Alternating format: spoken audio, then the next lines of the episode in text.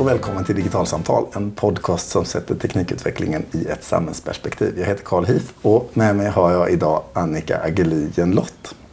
Du är forskare vid Örebro universitet och jobbar eh, lite grann i Sollentuna och på SKL med. Välkommen! Tack så mycket! Om vi ska börja någonstans. Du forskar ju på, kan man säga att du forskar på innovations och förändringsarbete i utbildningssektorn. Är det rättvisande? Ja, det tycker jag att man kan säga. Det är väldigt rättvist.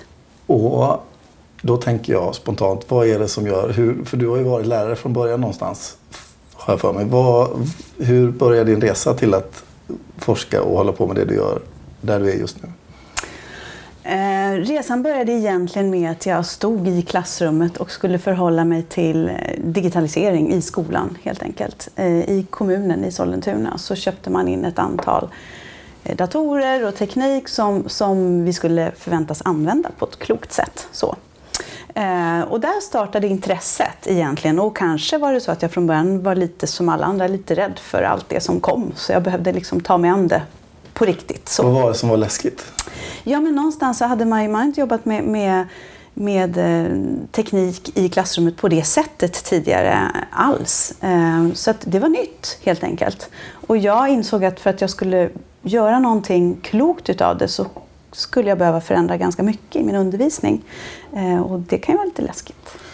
Så du jobbade med undervisning och du jobbade med att liksom, ja, jobbade i, i den här förändringstiden av att införa digitala verktyg och material i Sollentuna.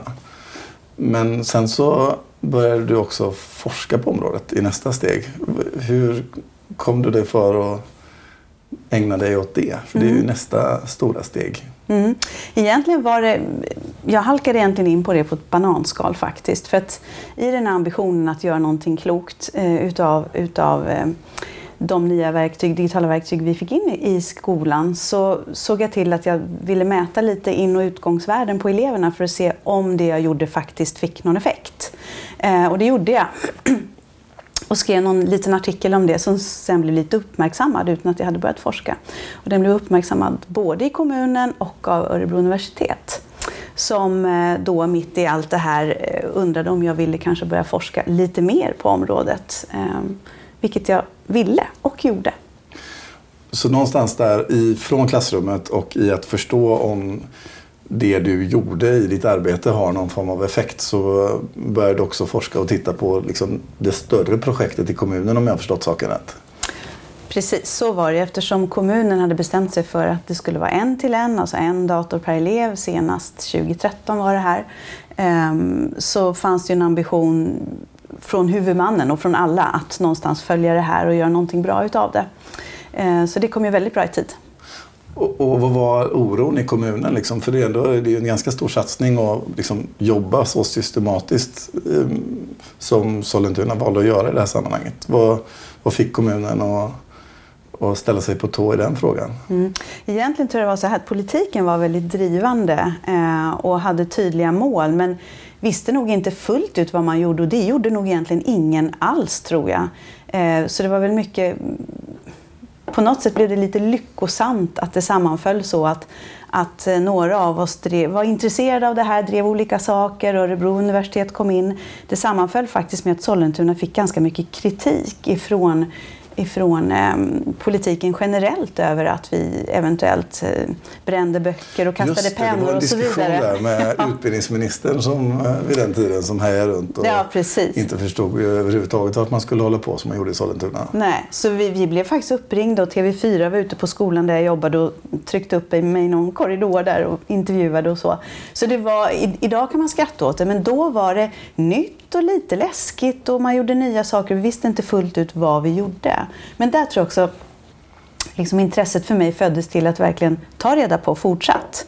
Att man gör, att göra nya, nya grejer och förändra sig, det är en sak. Det måste man våga göra, men man måste också våga titta på om det ger någon effekt, något, något resultat som är, värt, som är värt insatsen. Och det här 2013, det är några år sedan. Forskning tar ju tid som bekant. Eh, och sen dess har du publicerat ett antal artiklar där du har tittat på eh, den här typen av förändrings och transformationsprocesser som, som eh, Sollentuna i det här fallet har varit igenom. och om man liksom gör, försöker or, liksom i huvudet organisera någon form av resa. Att det börjar ju med att man behöver liksom ha en idé om vad man ska göra för någonting. Och sen som du var inne på, så att testa det och se om det funkar eller inte. Och sen kommer man in på det här med spridning och organisation och sådär. Men om vi börjar med bara det här, alltså när man står inför till exempel ett förändringsarbete kring digitalisering, men det kan ju egentligen förstå det rätt vad, vad som helst, men i ditt fall så var det digitalisering. Hur vet man att det man liksom gör som är det nya är det man ska göra? Jag tänker så här att i, i skollagen står det att skolan ska vila på forskning och beprövad erfarenhet. Men när du går in och gör någonting nytt, helt plötsligt har man nya datorer, nya verktyg. Då är det ju svårt ibland att förhålla sig till något som inte tidigare har funnits. Hur ska man tänka där när man bestämmer sig för att göra någonting som är helt eh, oprövat? Mm. Det är ju svårigheten på något sätt och det är någonstans den frågan jag väldigt ofta får också. Hur ska vi våga förändra det här? Hur ska vi våga göra det här när vi inte vet egentligen resultatet av det? Eh, och så är det ju, men å andra sidan, det blir ett moment 22. För om man inte, för många säger vi måste vänta tills vi har tillräckligt mycket forskning som säger oss. Men vi får ju ingen forskning om vi inte provar först. Så det där hänger ju tätt samman. Så på något sätt så, så tänker jag att man behöver våga prova inom rimliga gränser förstås, men hela tiden analysera och titta på vad det blev för utkomst av det. För att när man förändrar saker och ting så kommer man säkert mer eller mindre per automatik att köra i diket då och då. Eh, men det är inte värre än att man bara har reda på att man, ja, men då funkar inte det fullt ut. Man, det är inte det att man leker med människors liv på något sätt, utan det handlar om att ta små steg i rätt riktning och ha, ha ett mål och hela tiden testa. Men i det fallet så kan man ju dels kan man ju göra framsteg såklart. Men så, så kör man i diket som du säger. Vad, de där dikeskörningarna de är ju viktiga för en själv i att liksom komma på rätt väg och veta vart man ska såklart. Men jag föreställer mig ju också att de här dikeskörningarna, om jag är en organisation och jag gör ett utvecklingsprojekt så känns det dumt om alla andra kör i diket på samma sätt som jag har gjort om jag vet om att jag ska undvika det. Eh, vad tänker du om det där med just liksom när man bedriver ett innovationsarbete? För om vi pratar om skolvärlden och utbildningssektorn så är ju den jättefragmenterad i Sverige på något sätt. Mm. Det finns många skolhuvudmän, organisationen är decentraliserad. Så när det då uppstår en innovation, som i det här fallet i Sollentuna, hur eh, och, och i fallet när man då också gör misstag, hur, hur hanterar man det där med att eh, Eh, sprida det här och få det att, eh, så att andra inte gör samma misstag som man själv har råkat ut för. Mm. En jätteviktig del där är väl att liksom våga prata om det som inte har fungerat. För vi är ofta ganska bra på i de flesta branscher att berätta om lyckosamma projekt och det här har vi gjort och man stoltserar med det. Det är jättebra. Eh, I forskning så är man ju lite mer benägen också att berätta om det som faktiskt inte fungerar. Eh, det gäller att ta reda på det också. Och det är egentligen lika intressant av olika skäl. Så jag tror att, att våga i alla branscher, och så var det faktiskt i Sollentuna, mer öppet tala om vad det är som fungerar, men också det som faktiskt inte fungerar. Så man delar det med varandra och lär av det. Så att, som du säger, inte alla ska göra samma misstag, för det är ju oändligt dumt. Att, att göra ett fel en gång kan man göra, men det är väldigt dumt att göra samma fel Men igen. måste man inte liksom på något vis... Jag tänker mig att eh de här, det, är inte så att saker och ting förändras över en natt utan det tar ju tid också. Misstag gör man löpande och kommer på nya spännande saker också. Byggde ni någon form av liksom kultur eller system? Eller liksom, hur gick det till för att liksom organisera det här innovations eller förändringsarbetet så att det gick att nå ut till fler? För det, om jag förstår saken rätt i Sollentuna så var det någonting ni liksom försökte jobba med ganska systematiskt och liksom få spridning på vad som bedrevs och hände i ett klassrum så att det också får bäring på mycket i andra klassrum. Mm. Och det är helt sant, så var det. Det var verkligen en ambition som sammanföll med det här. Det var att liksom öka transparensen mellan skolor, också inom skolor. Eh, för det är ju så att någonstans så finns det en kultur i skolans värld som jag hävdar fortfarande till ganska stor för stor del i alla fall lever kvar. Och det är att man är lite herre i sitt eget klassrum. Och det är ibland ganska mycket stängda dörrar. Det är inte så många som ser in vad som egentligen sker. så. Eh, och det här hade vi en ambition i Sollentuna att faktiskt öppna de där dörrarna, tala mer mellan klassrum och mellan skolor eh, och lyfta, lyfta det man gjorde. det var en ambition och det var inte alldeles lätt. Det var Vad ingen... var det som var svårt med det? Ja, för att det är ju läskigt på något sätt. Det var inte kulturen som fanns, att man berättade på det sättet om vad man gjorde. Utan då behövde man börja prata om det här med dela kultur och hur, hur lär vi oss av varandra och vad har jag att tjäna på det och vad har du att tjäna på det och så vidare. Och det tog sin tid. Det tog sina modiga år skulle jag vilja hävda innan det blev en kultur som nu faktiskt lever kvar och som i väldigt stor del understöds av sociala medier. Det är där man har lärt sig att dela på olika sätt.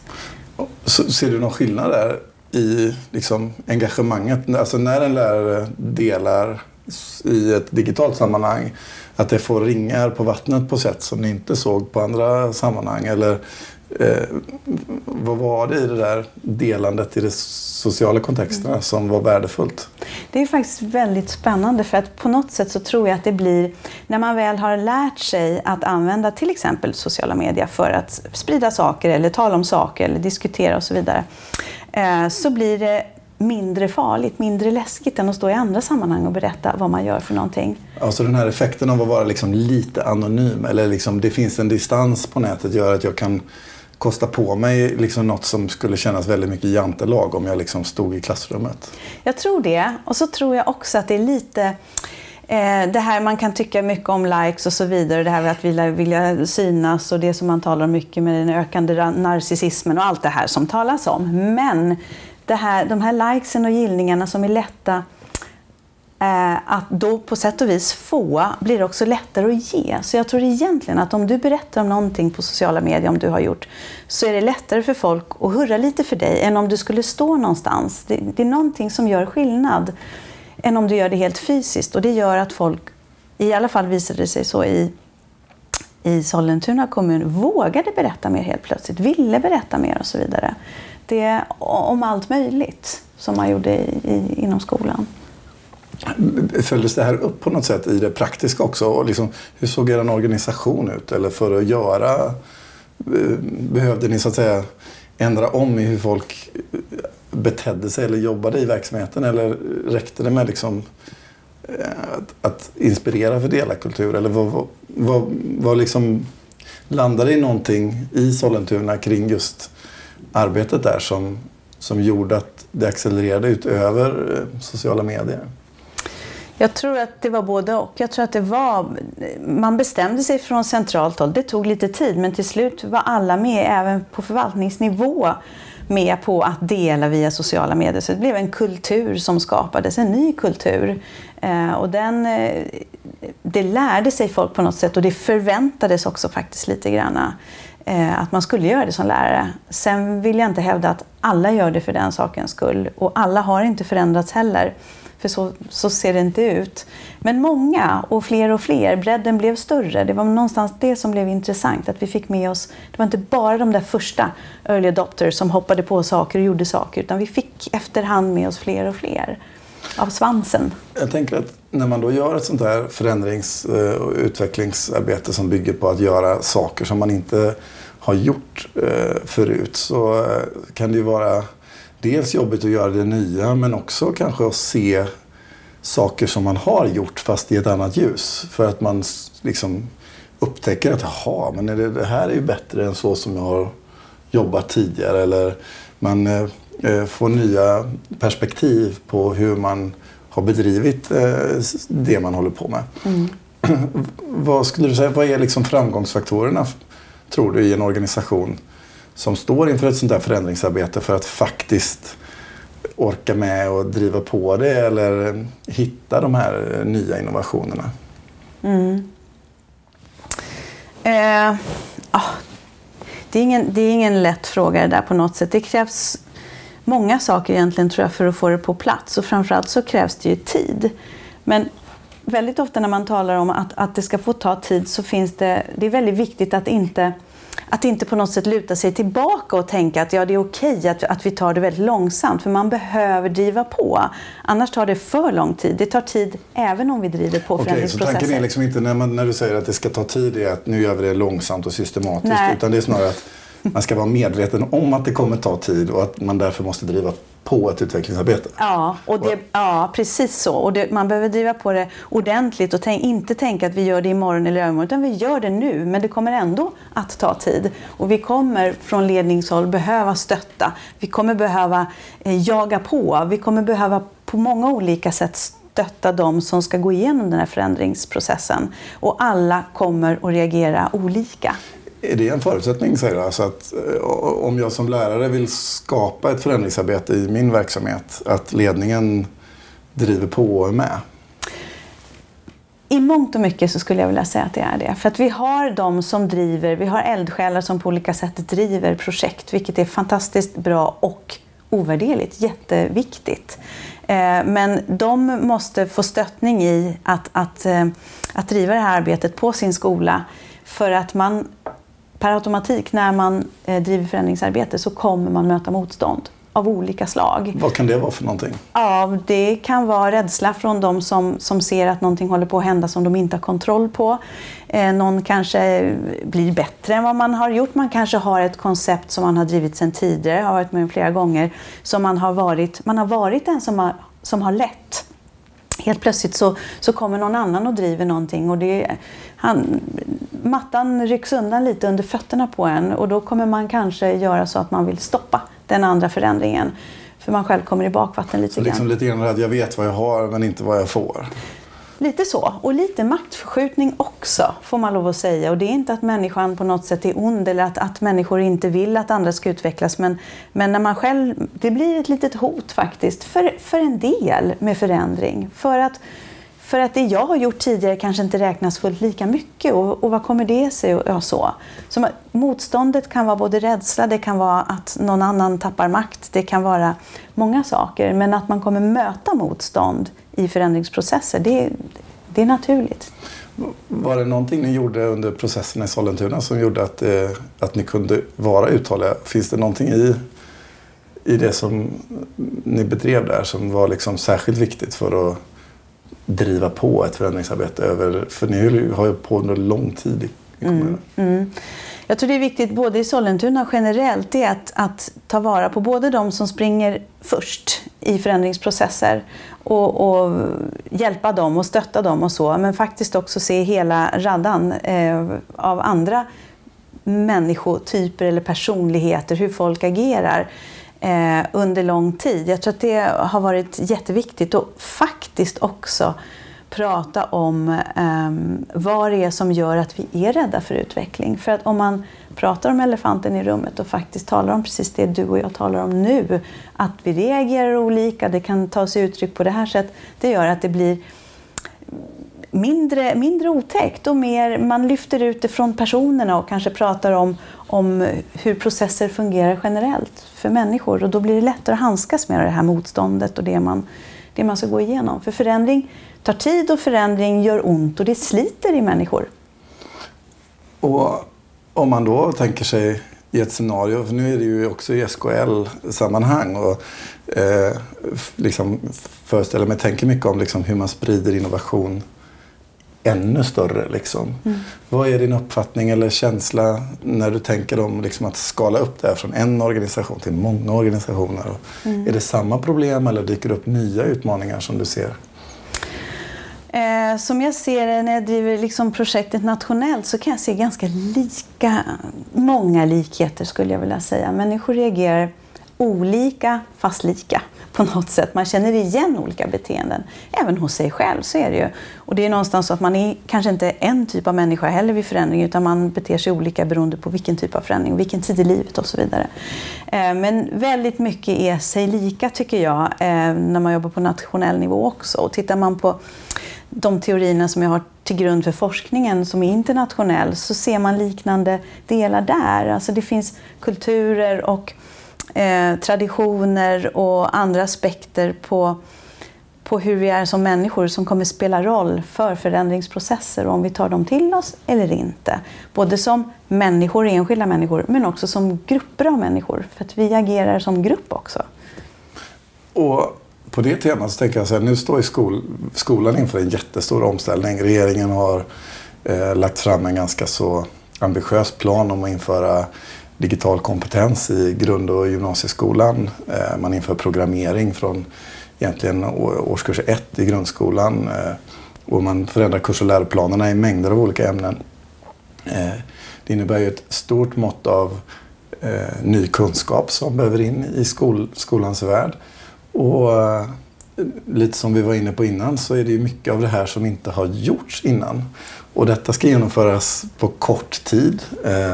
De nya skrivningarna ska vara implementerade hösten 2018. Eh, skolan är fragmenterad och det finns ju väldigt olika förutsättningar. Eh, och man ska ju göra allt det här du beskriver nu. Man ska ge sig ut på ny mark, pröva saker man aldrig har gjort förut och så vidare. När du ser liksom var vi befinner oss just nu eh, och om du hade liksom mandatet att kunna liksom skruva båten åt något håll eller eh, kasta in en idé eller två för att få den att, att flyta bättre genom det här ganska svårnavigerade eh, havet som är framför. Vad, vad är dina tankar som, hur går dina tankar i det? Ja, för det, det, är ju verkligen en utmaning. Både det vi står inför med, med, med att utbilda våra lärare och våra skolledare och alla i skolvärlden kring hur vi ska hantera, hantera digitalisering. Det är verkligen en utmaning. Och icke-likvärdigheten i Sverige är så stor, inte bara gällande kunskap kring användning av digital teknik utan faktiskt också tillgång till. Så det, även infrastrukturen ser ju så här långt olika ut. Eh, men, men det ska ju ordna till sig då med de här nya skrivningarna vilket, vilket gör att skolor kommer behöva köpa in digital infrastruktur till sina lärare, till sina elever. Eh, och so far so good. Det kommer också kanske bli sånt som man kan checka av ganska enkelt. Men sen kommer den stora utmaningen som du säger. Hur ska vi göra då? Hur ska vi stötta användandet av det?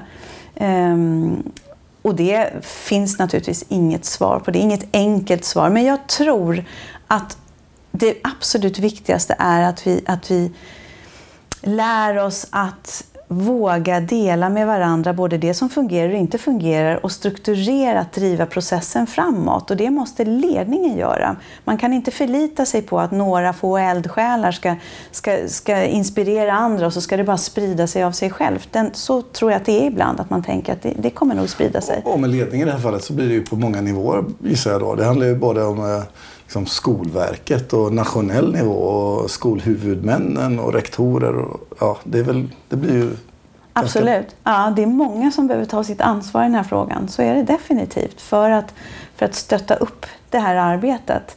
Eh, och det kommer säkert att ta tid. Men ibland tänker man att det nästan, det kanske till och med nästan inte saknas en institution, men att det saknas någon form av samling kring hur vi kan strukturera driva det, tänker jag emellanåt. För att många jobbar på olika ställen, institutioner i Sverige och, och myndigheter och så vidare, men det finns ingen riktig samordning kring, kring det. Sen är det väl så i skolan att det finns inte en metod som är rätt eller en modell som är rätt, men det finns grunder för, för implementering av, av, digital teknik i skolan som är bättre eller sämre, som vi redan känner till. Och då kan vi i alla fall starta där. Eh, sen går utvecklingen så fort så det är inte sagt att det vi tänker idag stämmer om tre år, förmodligen inte. Men att vi samlar oss kring att vi, det här känner vi i alla fall till och det här vet vi är nyckelfaktorer för lärande generellt. Hur kan vi då koppla det till digitalisering? Hur kan vi klokt tänka? Ehm, det tror jag är viktigt. Men om du då säger att utvecklingshastigheten är så hög också och sen så bestämmer man som man nu har gjort att i hösten 2018 så ska det vara klart. Liksom. Det är ju om ett drygt år. Mm. och så tänker jag på att det, det du beskriver ifrån Sollentuna, det tog många år. Mm. Eh, och så har vi de här skolhuvudmännen som kanske inte ens i princip har börjat arbetet nu. Det känns ju nästan som en övermäktig uppgift plus att det då liksom är en förändring. Om man är liksom den förvaltningschefen eller rektorn som befinner sig i den kontexten, var, liksom, var börjar jag gräva då någonstans? Mm. Jag tror det är jätteviktigt att titta på, nu får vi ju nationella mål, som, de behöver man ju förhålla sig till eh, i de här nya skrivningarna, så är det ju. Men bortsett från det så behöver man titta jättemycket på sin egen kontext och på regionalt, på hur det ser ut, på i kommunen om man är förvaltningschef eller på skolan om man är skolledare och så vidare. Och så utgå från de förutsättningarna för att det går ju aldrig att fullt ut liksom föra över en process och göra exakt så. Det tror jag är hemskt viktigt att, att se till vad man har för, för förutsättningar. Men var noga med att ha höga mål. Allt för ofta i skolan så hör jag att ja, men vi tar det lite lugnt och det måste få ta sin tid och, och, och sådär. Och återigen, det, det, tar tid men just därför måste vi jaga på faktiskt ganska mycket och sätta ganska höga krav på vad vi förväntar oss eh, av, av både, både lärare men skolledare som, som också behöver se till att de skaffar sig den kompetensen de behöver. För det vet vi också forskningsmässigt att många lärare, jag tror att det var senaste undersökningen, jag tror att det var 20 procent av lärarna eller något sånt där, kände att de inte, inte ägde kunskapen för hur teknik kunde användas i skolan. Men, men minst lika många skolledare svarar liknande. Och det är ett problem i sig. Att, att där, det blir väldigt viktigt att inte bara tala om digitalisering som ledare utan man behöver själv sätta sig in i, driva utifrån från de... Eh, är det, är det liksom, vad beror det på? Är det, handlar det, jag föreställer mig till exempel, om att det blir svårt att fatta beslut om jag inte själv åtminstone har någon form av aning om vad det är för område jag pratar om? Jag tror att det är svårt att fatta beslut och jag tror att man också, risken är att man tar det lite för lugnt. Att man faktiskt inte vågar eh, ställa krav på att man ska uppnå en viss form av kompetens inom en viss tid. För att man har själv inte den kunskapen. Det blir ju på något sätt svårt att komma i mål då. En annan grupp i det sammanhanget som är viktig, eh, liksom så som det svenska utbildningsväsendet ser ut, det är ju den lokala politiken hos skolhuvudmän. Eller eh, de fristående skolornas styrelser och, och ägare. Hur förhåller man sig till, till dem? Behöver de... För eh, I samtalet tidigare så blev det tydligt att politiken spelade en viktig roll, eh, ser du, i, i arbetet i Sollentuna. Måste man ha politiken med sig eller liksom hur, hur, är, hur ser förhållandet ut där? Mm, jag tror det är oerhört viktigt att ha politiken med sig. Och det är någonstans skolans svårighet eh, faktiskt där. Att, att man har ett uppdrag som också ska vara förenligt med med politiken. Eh, men jag tror att det är jätteviktigt, inte minst när det inte går helt fullt ut som man har tänkt sig. För så var det i alla fall i Sollentuna kommun, att när saker och ting inte går som man har förväntat sig, och det kommer det inte göra, utan en utvecklingskurva kommer inte gå spikrakt rakt uppåt, utan den kommer gå uppåt och den kommer gå neråt, olika djupt och så vidare. Och då behöver man ha förståelse från hela styrkedjan. Man behöver ha med sig politiken som, som är med på vad målet är och kan förstå och stötta upp när det händer saker och ting. Så även när det står en utbildningsminister och raljerar och säger ah, vad är det som händer här? Så, mm. så det faktum att er egen politik i kommunen stod bakom arbetet och fortsatte, det, det måste ha varit väldigt betydelsefullt. Det spelade oerhört stor roll för att det, var, det blåste ordentligt då när egentligen alla våra nätverk gick ner precis när alla lärarna skulle börja jobba på det här nya nya sättet och många av dem ville inte och de var lite halvt tvingade. Ehm, så, så det, det, var inte alldeles lätt, men då stod den lokala politiken upp och sa att det här är våra mål och vi ska dit. Och just nu så är det så här, så vi behöver liksom ta oss fram den vägen. Det var avgörande för att det här skulle gå att genomföra, skulle jag vilja hävda. Jättespännande samtal. Vi får kanske återkomma längre fram och se hur det har gått eh, om eh, ett, något år eller så. Eh, och se om man får anledning att eh, fundera vidare kring det här med förändringshastighet och sånt. Tack för att du var med i Digitalsamtal. Stort tack för att jag fick vara med. Med det här så är dagens podcast slut. Surfa gärna iväg till Facebook och gilla vår sida Digitalsamtal där vi också postar avsnitt och annat. Vi finns i Facebookgruppen Digital samhällskunskap där ni gärna får diskutera samtalen vi har. Och har ni en fråga får ni gärna höra av er. Vi finns på Twitter på ett digitalsamtal. Eh, är det så att ni råkar prenumerera på oss i en poddspelare någonstans får ni gärna gå in och recensera och betygsätta. Då, för då hamnar vi högre upp i sökresultaten och fler får möjlighet att hitta till oss. Men till nästa gång, hej då!